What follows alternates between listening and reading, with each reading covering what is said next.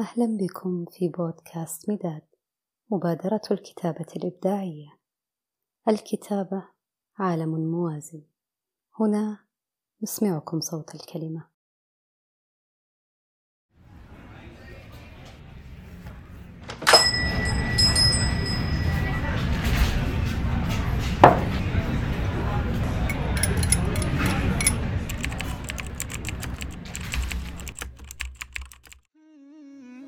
لماذا أنت؟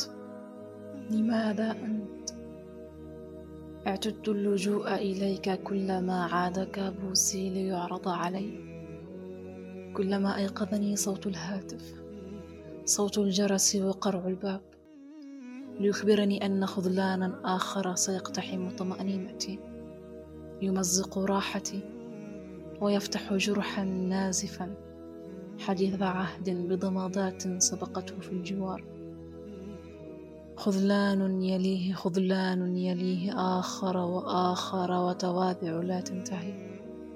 حتى سكن الإرهاق سعادتي وأضحى الرهاب شيطاني ورفيقي وسواسه تكرر تلك الأقنعة كما هي الوجوه في الخلف اختبأت.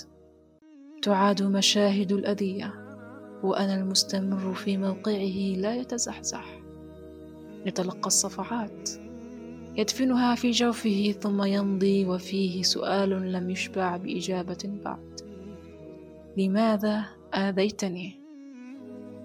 عشت ساعات الإحباط وحدي وعلى كتفك شاركتها.